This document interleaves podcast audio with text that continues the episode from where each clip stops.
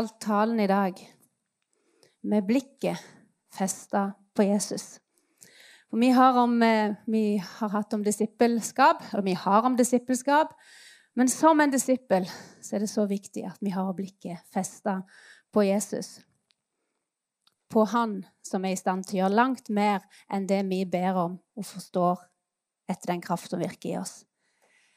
Og så står vi da i ei tid, og det er sånn Vi går denne helga i møte. Vi vet at det er mange i Lyngdal som, som kjenner på sorgen, spesielt denne uka.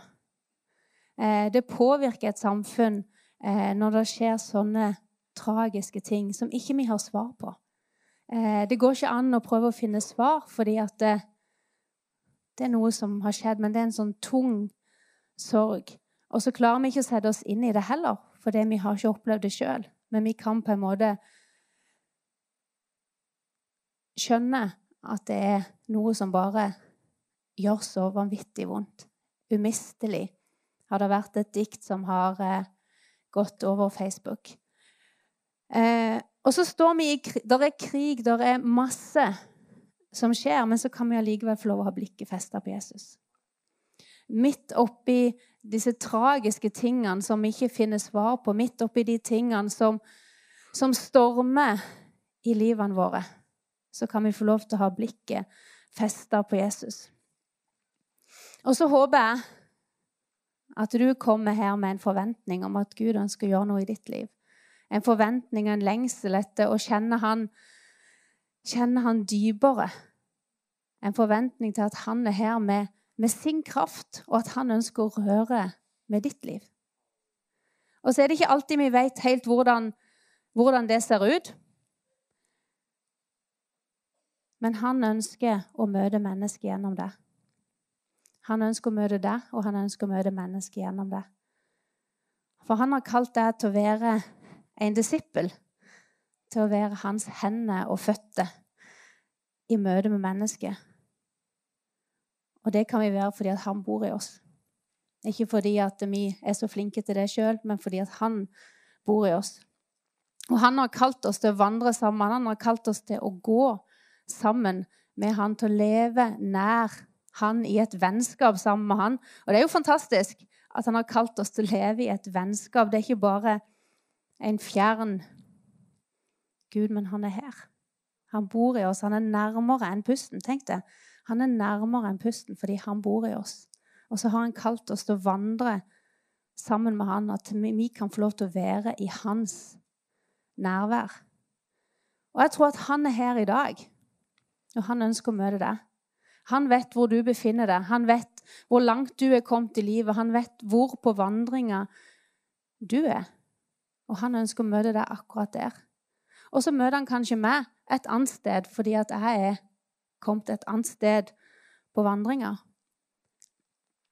Og han ser deg akkurat der du er nå, uavhengig av hvilke følelser du sitter med her i dag. Uavhengig av hva du kom med så møter han deg der fordi han kjenner det. Og han er ikke avhengig av hvordan vi har det. Han er den samme uansett. Han står fast uansett. Og det kan jo være sånn Når det skjer sånne ting som vi har opplevd denne uka, så kan vi kjenne at fundamentet rokkes litt. på en måte, At det, det, ristes litt. Men så handler det om at når vi da har bygd fundamentet på Jesus, så er Jesus den samme uansett. Han endrer seg ikke. Selv om omstendighetene er helt forferdelige, så står Jesus fast. Så kanskje du er her da, som tenker at ja, men Gud griper ikke inn i min situasjon. Så var det noe som slo meg denne uka. At da israelsfolket sto foran Rødehavet, så var det ikke sånn at Gud tok vekk Rødehavet. Har dere tenkt på det? Han tok ikke vekk Rødehavet, men han splitta det i to. Han delte havet i to, og så lagde han en vei midt imellom. Han tok ikke vekk omstendighetene som var der, men han lagde en vei midt igjennom. Så slo det meg at noen ganger så kan vi kanskje ha et fokus på at Gud skal ta vekk omstendighetene. Men så har Gud en vei igjennom omstendighetene. Da står i, salmen, i Salme 23.: Selv om jeg skulle vandre gjennom dødsskyggens dal, frykter jeg ikke for noe vondt. For din kjepp og din stav trøster meg. Da står ikke Det står liksom ikke at du kommer aldri til å vandre gjennom dødsskyggens dal, men det står selv om jeg skulle, så frykter jeg ikke for noe vondt. Så Gud finner en vei igjennom. Han lager en vei igjennom omstendighetene. Så kan vi få lov til å ha blikket festa på Jesus. Så med blikket festa på Jesus. Hvis jeg har blikket festa på noe, så er det jo på en måte der jeg har retninga, ikke sant? Eh, når, når jeg kjører bil, så er det jo lurt at jeg har blikket på veien og ikke rundt på alt annet som er rundt meg. Der kan det fort gå galt. Eh, men vi har blikket festa på veien fordi vi trenger å vite hvor veien går. Jesus er veien, og det er han vi har blikket festa på. Han sier 'Jeg er veien, sannheten og livet'. Det er han som er den veien vi går på, og det er han vi har blikket festa på så kan vi få lov til å se på han og la han vise oss neste steg. La han vise oss retninga. Fordi han har jo alltid den beste løsninga, selv om det kanskje ikke virker sånn for oss. Og han ser lenger enn oss. Det er litt sånn at når du går når du går på tur og du går opp på en fjelltopp, så, så får du en bedre utsikt når du kommer opp og litt sånn så tenker jeg noen ganger at det er med våre liv. At vi ser på en måte bare det som er rett foran oss mange ganger. Vi blir så fokusert på det.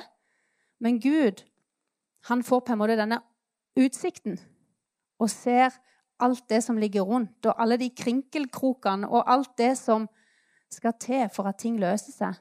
Mens vi ser gjerne bare det som ligger rett foran.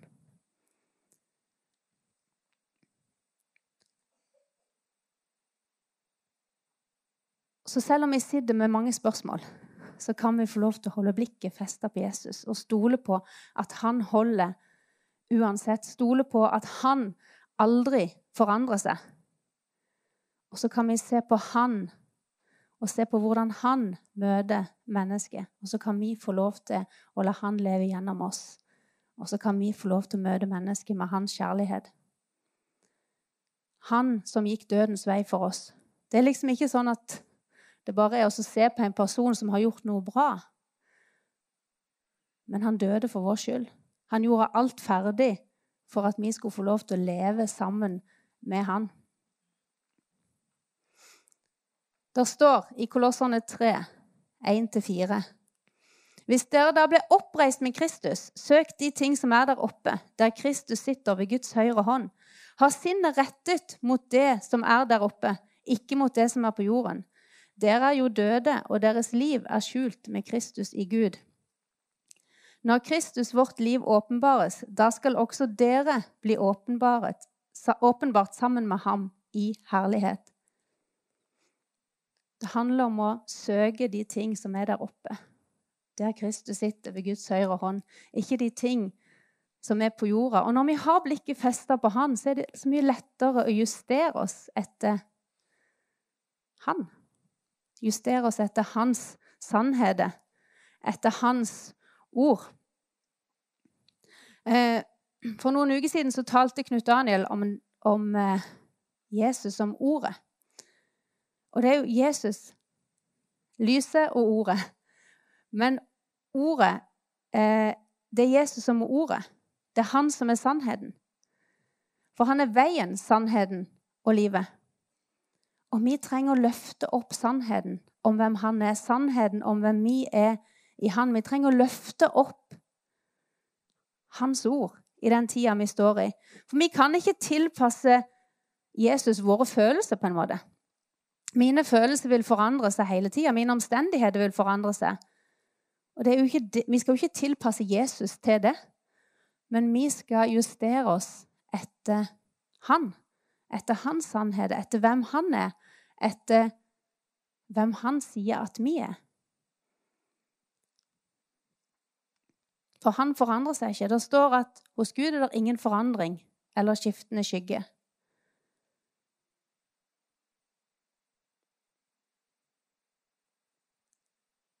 Det at vi kan løfte blikket fra det som skjer rundt oss, og se opp på Han, som er sannheten, det gjør at vi har en retning som holder. Og selvfølgelig må vi ta noen valg, da. Det er jo ikke sånn at vi bare kan eh, gå. Vi må ta noen valg om hvilken retning vi tar. Vi må kanskje velge vekk noen stier. Vi må velge vekk noen ting som kanskje samfunnet sier vi bør velge. Og så må vi gå i en annen retning fordi Jesus kaller oss til å gå i en annen retning. Men vi kan få lov til å holde blikket festa på Han. For det handler ikke om mine prestasjoner eller dine prestasjoner, men det handler om hva han har gjort. Det handler om hvem han er i det. For det er så lett å bli på en måte litt sånn overvelda av eh, hverdagens mas og bli så fokusert på det som skjer rundt, at vi glemmer å løfte blikket. Vi glemmer å se og glemmer å spørre Gud, hvor ønsker du at jeg skal gå? Hvor ønsker du at jeg skal ta neste skritt? Men det handler ikke om meg. Det handler om han. Det handler om at han har gjort alt ferdig. Og det er ikke noe å legge til, det er ikke noe å trekke ifra, men vi kan få lov til å gå sammen med han helt fri fordi han har gjort det ferdig. For det er hans verk. Vi er hans verk. Det sier Bibelen. Det står 'fra nåde er dere frelst', frelst ved troen. Og det er ikke av dere selv, det er Guds gave, ikke av gjerninger, for at ingen skal rose seg. For vi er Hans verk, skapt i Kristus Jesus, til gode gjerninger, som Gud har gjort ferdig på forhånd for at vi skulle vandre i dem. Tenk det. Han har gjort det ferdig for oss òg, så kan vi få lov til å ta skrittet ut og gå i det. Fordi han bor i oss med, med sin kraft. Tenk det, Den samme kraften som han reiste Jesus opp for det døde med, bor i oss. Tenk hva det betyr når du går inn et sted. At hans kraft bor i deg. Den samme kraften, oppstandelseskraften, bor i deg. Da handler det ikke om hvor flinke vi er til å spille eller synge eller tale, men det handler om han. Det handler om hva han kan gjøre, hva han kan gjøre gjennom oss. Det handler ikke om hvor mange vi er her, men det handler om at Jesus møter den ene.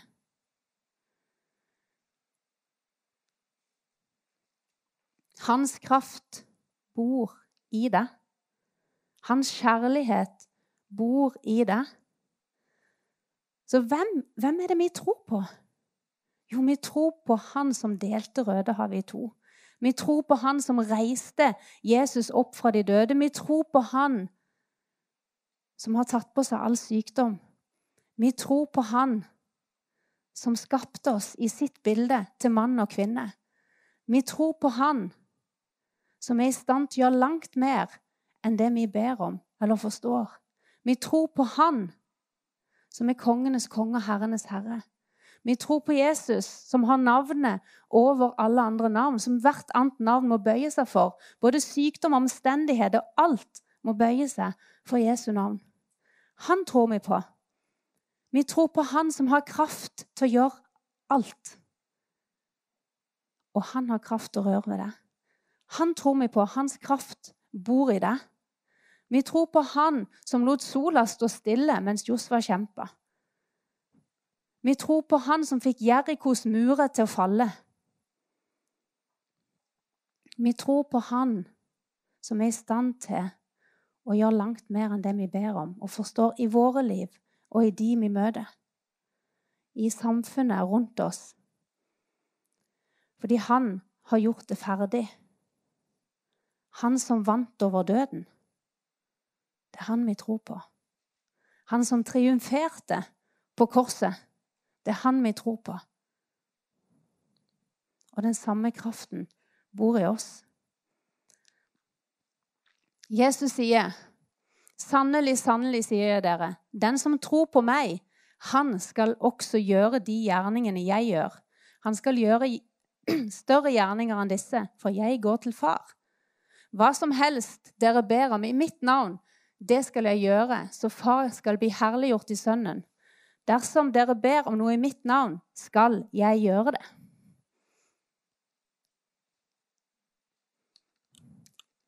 Ja, tenker du?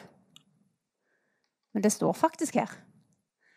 Han sier at alt det vi ber om i hans navn, det skal han gjøre.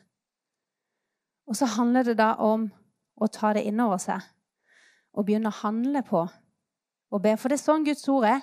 At vi må ta det innover oss, og så må vi handle på det som står. Vi må proklamere ut de sannhetene som står i Guds ord. Vi må la det bli en del av oss, noe mer enn bare kunnskap vi har i hodet, men at det kan få lov til å vandre ned til hjertet. Og det er det bare Jesus som kan gjøre. Det er bare han som kan gi oss åpenbaring og la det feste seg, sånn at vi vet at vi vet at vi vet. At han er i stand til å gjøre langt mer enn det vi ber om og forstår. Og her står det 'hva som helst dere ber om i mitt navn'.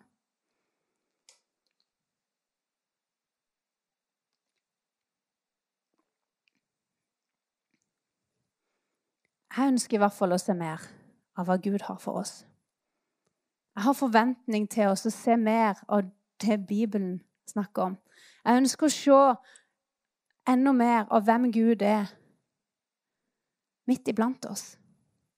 Enda mer av hva han har gjort, og hvem vi er i han.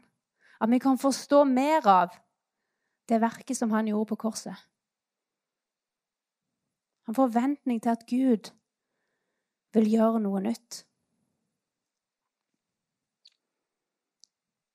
Men da må vi tørre, tror jeg, å gå på Hans ord. Vi må tørre å handle på og tørre å tale ut Hans sannheter. Vi må tørre å det ta det innover oss. For det er den samme kraft som reiste Jesus opp fra de døde, som bor i oss. De første kristne de hadde blikket festa på Jesus. De var ikke opptatt av seg sjøl og hva de presterte. Da tror jeg faktisk ikke at Peter og Johannes hadde sagt til den lamme mannen Sølv eller gull har jeg ikke, men det jeg har, det gir deg. Reis deg i Jesu navn. Fordi de hadde ikke gjort dette før alene. Men de valgte å gå i tro på den kraften som de visste bodde i dem.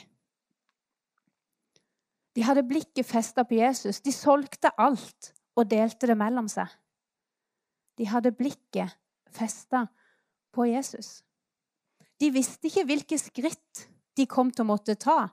De hadde ikke levd dette livet før. De hadde ikke noen som hadde gått foran. Men de gikk ut av båten, skritt for skritt, med blikket festa på Jesus, og stolte på Han som hadde gitt dem kraften.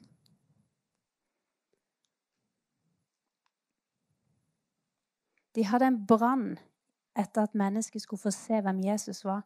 En brann etter at mennesket skulle få møte han som de hadde fått lov til å møte. At de skulle få lov å få friheten. Men de så ikke på seg sjøl eller på omstendighetene, men de hadde blikket festa på Jesus. Når Paulus og Silas satt, ble satt i fengsel urettferdig De hadde ikke gjort noe galt. De ble urettferdig beskyldt. Så det, så, det hadde vært så lett, tenker jeg, å klage på den urettferdige dommen. Klage på cella, klage på at de ikke hadde fått mat, eller klage på at de hadde blitt slått. Men det fascinerer meg at det står at ved midnattstid så sang Paulus og Silas lovsanger til Gud, og fangene hørte dem. De sang lovsanger til Gud. De hadde blikket festa på Jesus midt i omstendigheter som var urettferdige. Midt i omstendigheter som de ikke hadde skyld i, men de hadde blikket festa på Jesus. Og hva skjer? Jo, lenkene løsner. Og så kan vi tenke ja, men neste gang Paulus var i fengsel, da da kunne han jo ha tenkt ja, men Gud, du satte meg jo fri forrige gang. Sant? du løste lenkene forrige gang. Hvorfor gjør du ikke det nå? Nei, Paulus hadde fortsatt fokuset på Jesus, med blikket festa på Jesus. For han visste at Jesus, Gud, har kontroll. Han vet det neste skrittet. Så når vi da vandrer med blikket festa på Jesus, så kan vi få lov til å ha han som forbilde. Det står i Filipperne 2, 1-5. Derfor, om det da er noen trøst i Kristus, om det er noen oppmuntring i kjærligheten, om det er noe samfunn i ånden, om det er noe hjertelag og barmhjertighet, så gjør min glede fullstendig. Ved å ha det samme sinnelag og den samme kjærligheten, å være ett i sjel og ha det samme sinn gjør ikke noe ut av selviske ambisjoner eller lyst til tom ære, men enhver skal ydmykt akte den andre høyere enn seg selv. Ingen av dere må trakte etter det som er best for dere selv, men også det som gagner andre. La dette sinn være i dere, som også var i Kristus Jesus. Det utfordrer i hvert fall meg. La dette sinn være i dere, som også var i Kristus Jesus. Han som ble en tjener for oss. Han som valgte å gå dødens vei for oss. Han som ga opp sitt liv. Vi kan få lov til å ha blikket festa på han, og la det være han som gjør det. For vi klarer faktisk ikke oss sjøl å skulle prestere og ha samme sinn som Jesus. Men det handler om den kjærligheten og den kraften og den godheten og alt det som han har lagt ned i oss. Men vi må slippe det til i livet, og vi må la Gud få lov til å gjøre en forandring i våre liv. Jesus var ikke opptatt av å bli likt. Han var heller ikke opptatt av å være politisk korrekt. Jeg tror ikke jeg kan finne et eneste sted det kan godt være at jeg ikke har leidet godt nok, men hvor jeg tenker at han var politisk korrekt. Han var opptatt av mennesket. Han var opptatt av mennesket, at mennesket skulle få møte Gud. At mennesket skulle få sine liv forvandla. Han var ikke opptatt av hvordan han så ut, eller hva folk tenkte om han, eller hva folk kom til å spre om han etterpå. Han var opptatt av at mennesket skulle bli satt i frihet, at mennesket skulle få møte han. Men i relasjonen til Jesus så kan vi få lov å erfare det. Vi kan få lov å erfare den forandringa, forvandlinga, som skjer i oss. For det er ikke på grunn av hvem vi er, men det er på grunn av hva han har gjort. Og så midt oppi dette, da, så er det naturlig at vi lar oss korrigere av han. At det, det, at det er Bibelen, at det er Guds ord, at det er sannheten som korrigerer oss. Ikke at vi korrigerer, korrigerer i hermetegn, for vi kan ikke korrigere, men at vi korrigerer Bibelen pga. hva vi tenker hva vi føler. Men at det er Bibelen som korrigerer oss. At vi justerer oss. At vi heller tar et skritt inn på veien igjen hvis vi opplever at her er det noe som ikke stemmer med det Jesus har sagt. Her er det noe som ikke stemmer med hans ord. Da er det vi som må justere oss. Det er, ikke, det er ikke, Bibelen. Altså, Vi kan ikke trekke noe ifra Guds ord. Guds ord står fast uansett det. Uansett hvor mye vi prøver å endre på det. Nytter ikke. For dette Guds ord, det står fast. Det er uforanderlig. Det er sannheten. Så det handler om at vi må justere oss etter Hans ord. Men vi kan få lov til å ha blikket festa på han midt i det vi står i. Vi vet at Jesus har vunnet seier. Romerne 8,39 sier at vi har vunnet mer enn seier. Ja, 37. 8,37. Vi har vunnet mer enn seier over Han som elsket oss. Mer enn seier. En overlegen seier. Det er liksom ikke bare en sånn liten 'jøye, så vidt vi vant', men mer enn seier. For han triumferte. Døden hadde ikke en sjanse mot Jesus. Han er så mye større enn det du står i. Han er så mye større enn det jeg står i. Han er så mye større enn de tingene vi har i våre omstendigheter. Hans navn er over alle andre navn.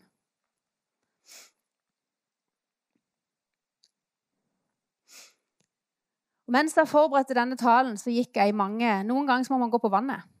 Eh, og nå føler jeg faktisk at jeg går veldig på vannet. Fordi at jeg satt i Jeg satt lenge i går, eh, og jeg hadde ikke roen. Hva, hva er det du vil si i dag, Gud?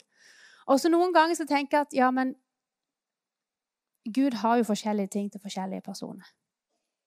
Men om det bare er den ene, så ser Gud den ene. Men plutselig mens jeg satt der og så forberedte meg, så kjente jeg på at at det tok en annen retning enn det jeg hadde tenkt at det skulle ta. Og sånn er det jo heldigvis. Så kan vi justere oss litt. Og da kjente jeg på dette. At vi må ta på oss Guds fulle rustning midt i den tida vi står i, som disipler. Vi må være klare til kamp. Eh, vi kan ikke bare stå på sidelinja og se på, men vi må være klare. Vi kan ikke bare eh, stå uten drakten på, på en måte. Det er jo litt sånn, altså Nå har jeg en sønn som, som, spiller fotball. Han hadde jo ikke fått lov til å spille kamp hvis han hadde kommet uten drakt. Ikke sant? Eh, han må ha på seg drakten. Eh, men det hadde heller ikke nytt om han hadde hatt på seg Mandalsdrakt når han skal spille for Lyngdal. Eh, så vi må på en måte vite hvilken rustning vi må ha på oss, hvilken drakt vi skal ha på oss. Men det er ikke bare det, vi må jo vite hvilken kamp det vi spiller.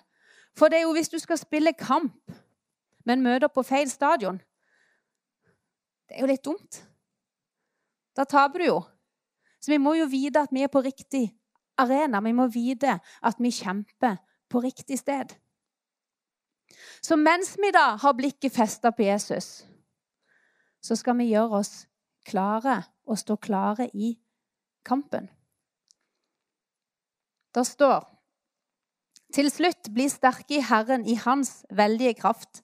Ta på Guds fulle rustning, så dere kan stå dere mot djevelens listige knep.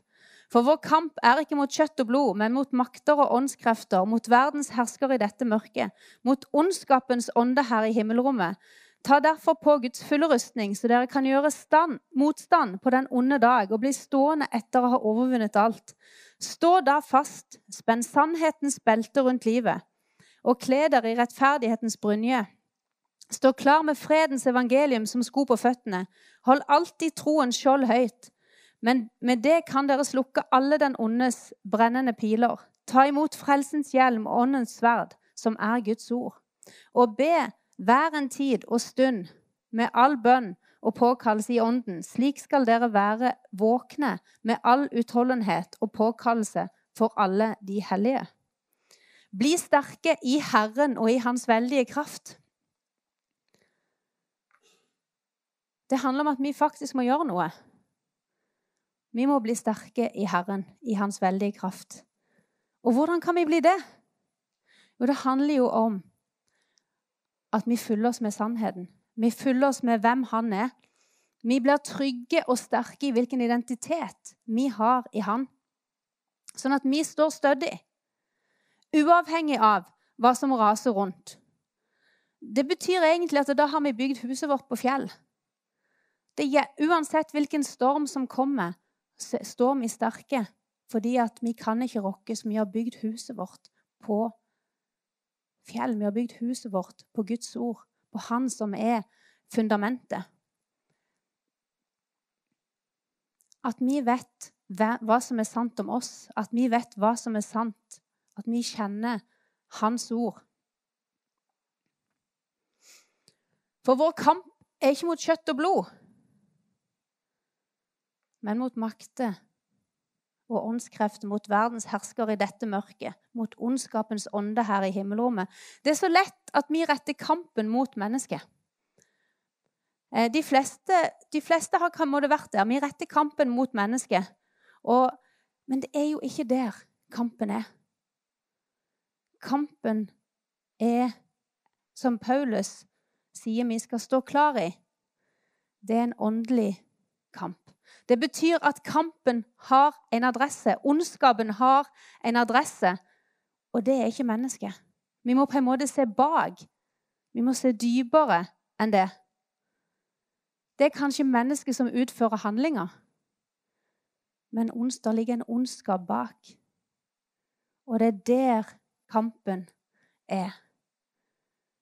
Det handler ikke om det det ene mennesket gjør, eller de mange gjør, men det handler om det som ligger til grunn.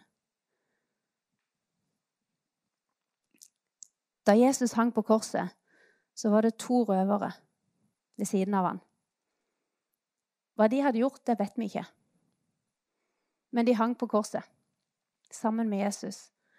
Den ene røveren fikk lov til å være med Jesus inn i paradis fordi han vendte seg om. Det sier noe om Guds kjærlighet. Jesus døde for alle mennesker. Paulus forfulgte de kristne, men Jesus møtte han. Jesus døde for alle.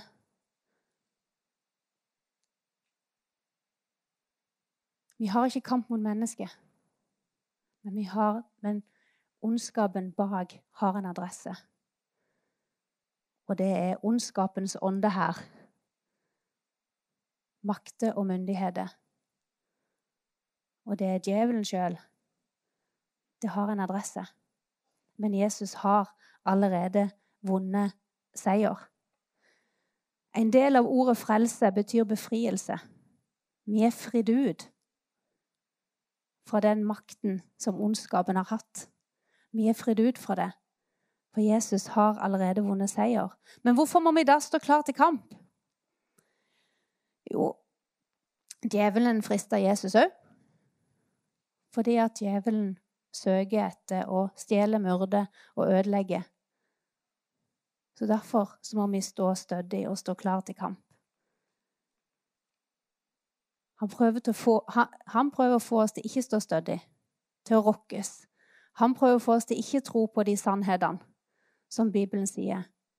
Forvir, forvirrelse og forførelse som er rundt oss. Men så kan vi få lov til å løfte opp sannheten. Så vi trenger denne rustningen for å stå imot djevelens listige knep. Hans listige angrep. Så kan vi få lov til å iført den. Bibelen sier 'alt makter jeg i Kristus', han som styrker meg.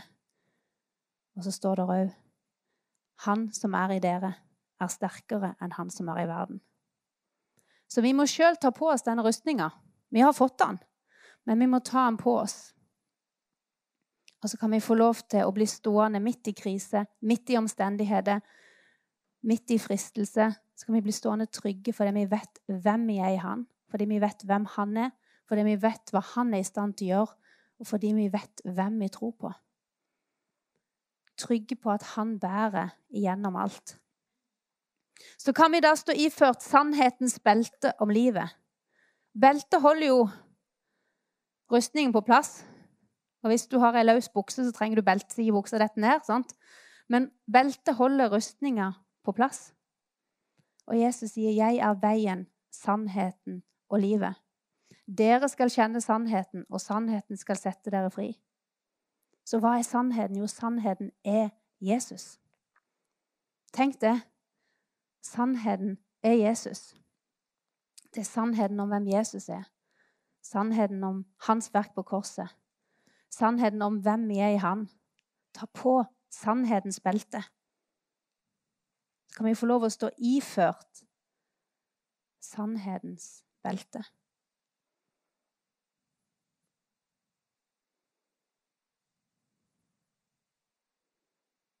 For Guds ord, det står fast. Hans sannheter, de rokkes ikke. De er de samme, men vi trenger å ta de til oss. Vi trenger å fylle oss med Hans sannhet og la de bli en del av oss, en del av vårt liv. Så har vi rettferdighetens brynje. Vi er gjort rettferdig. Det betyr at alle anklager, all skyld, alt er tatt vekk. Fordi vi er rettferdiggjort i Han. Det er det som er rettferdighetens brynje. Og vi må vite det. Vi må be Gud om å hjelpe oss til å se hva betyr det at det er rettferdiggjort. Det er jo for eksempel, Hvis man da går tilbake til sannhetens belte Hvis vi på en måte begynner å rokke med disse sannhetene, så vil det jo bli som om vi får rifte i beltet. Eller får hull i beltet, sånn at beltet ikke er så sterkt. Er dere med på bildet mitt? Så for at denne rettferdighetens brynje den, det er jo klart den er jo like sterk, for rettferdigheten er der. Men jo tryggere vi blir i rettferdigheten, jo sterkere står vi i den. Er dere med på bildet? Han utslettet skyldbrevet som sto oss imot med bud, det som vitnet mot oss. Mot oss. Han tok det bort da han naglet det til korset. Rettferdighetens brynje. Han har tatt vekk alt. På føttene så skal, har vi fredens evangelium. Vi kan få lov til å stå På en engelsk står det And with your feet fitted with the readiness that comes from the gospel of peace. Altså at på en måte man er klar til den, altså, en klarhet til å gå med den freden som evangeliet gir. I kampen. Og så er det litt fredens evangelium. Tenk det. At fred er et våpen. Det står i Romerne 16,20.: Og fredens Gud skal snart knuse Satan under deres føtter. Vår Herre Jesu Kristi nåde være med dere. Det er fred. Gud kommer med fred. Og vi skal komme med fred på våre føtter. Fredens evangelium. Det er ikke krigens gud eller stormens gud, men det er fredens gud som snart skal knuse Satan under våre føtter. Og Det er veldig fint. Vi kan få lov å komme med fred. Og så har vi troens skjold, som vi kan holde opp. Troa på Gud. Så vi må vite hvem vi tror på. Hvem er det vi tror på? Jo, vi tror på Han som er i stand til å gjøre langt mer enn det vi ber om og forstår. Så har vi frelsens hjelm på hodet, som beskytter våre tanker, våre følelser. Frelsen. Han har satt oss fri. Han har tatt på seg alt. Frelsens hjelm. Vi må være trygge på vår frelse. Og da må vi òg følge oss med hva betyr det for oss. Hva betyr det verket Jesus gjorde på korset? Hva betyr det for vårt sinn? Hva betyr det for våre følelser? Hva betyr det for vårt liv? at han gjorde alt ferdig på korset. Frelsens hjelm. Og så har vi åndens sverd, som er Guds ord. Vi kan få lov å løfte Guds ord høyt i denne tida. Vi kan få lov til å stå fast på sannheten om hvem Gud er. Det er det som er sverdet i kampen. Når djevelen frista Jesus, så svarte Jesus med ordet vi kan få lov til å svare med ordet i kampen. Og da trenger vi å ta til oss av Guds ord. Vi trenger å ta til oss for å vite hva sier Guds ord om hvem jeg er i Han. Hva sier Guds ord om bønn? Hva sier Guds ord om det å stå fast? Hva sier Guds ord om min identitet? Hva sier Guds ord om hvordan jeg skal møte mennesket? Hva sier Guds ord? Hva er sannhetene? Hva er løftene i Guds ord?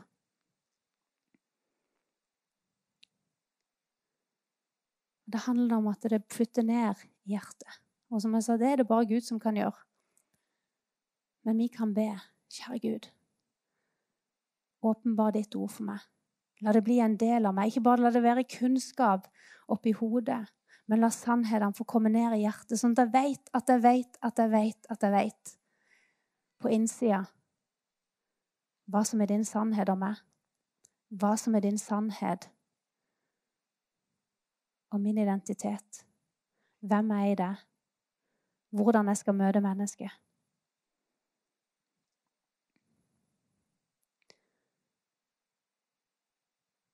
Kjære Jesus, jeg takker deg for vi kan få lov til å ha blikket festa på deg. Du som er troens opphavsmann og fullender. Takk, Jesus, for du hjelper oss til å vende blikket på deg. Opp mot deg, Jesus. Takk, Herre, for ditt eh, nærvær. Takk for din kraft, Jesus. Takk for du er til stede her, Herre, og takk for du kjenner hver enkelt i dette rommet. Takk for du vet akkurat hva vi trenger, Jesus. Du vet hvor vi står i livet. Takk for vi kan få lov til å stå fast, Herre, ikledd din fulle rustning, Jesus. Og det er så mange forskjellige situasjoner, men du kjenner de alle, Jesus. Takk for ditt nærvær. Takk for din fred. Takk for din kjærlighet. Bare kom, Jesus. Kom og rør med oss, Jesus.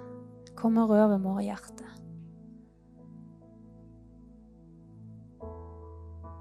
Vis oss mer av hvem vi er i deg, Jesus. Åpenbar ditt ord for oss, Jesus.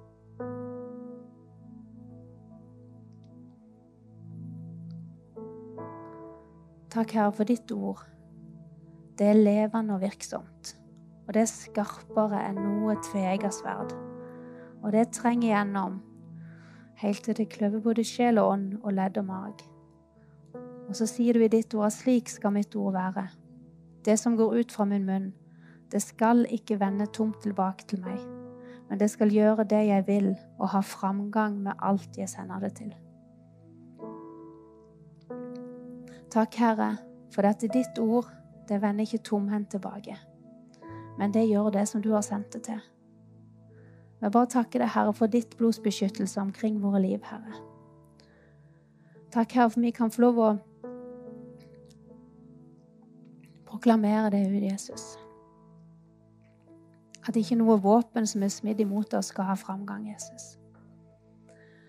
Takk for vi kan få lov å stå iført ikledd deg, Jesus. Du som er veien, sannheten og livet. Du som er ordet. Vi bare løfter vårt blikk på deg, Jesus.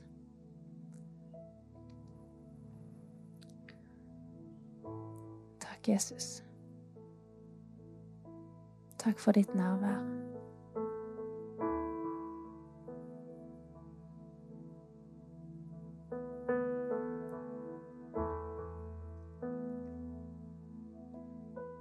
Vi ta oss og lovsynge Gud sammen med tilbe Han. Løfte opp Hans navn.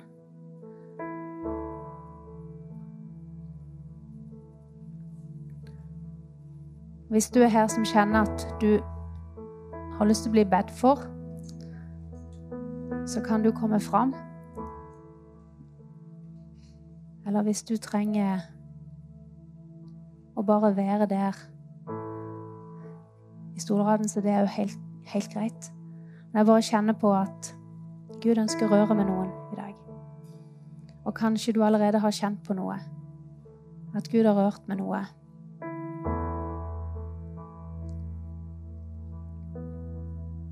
Og han er her.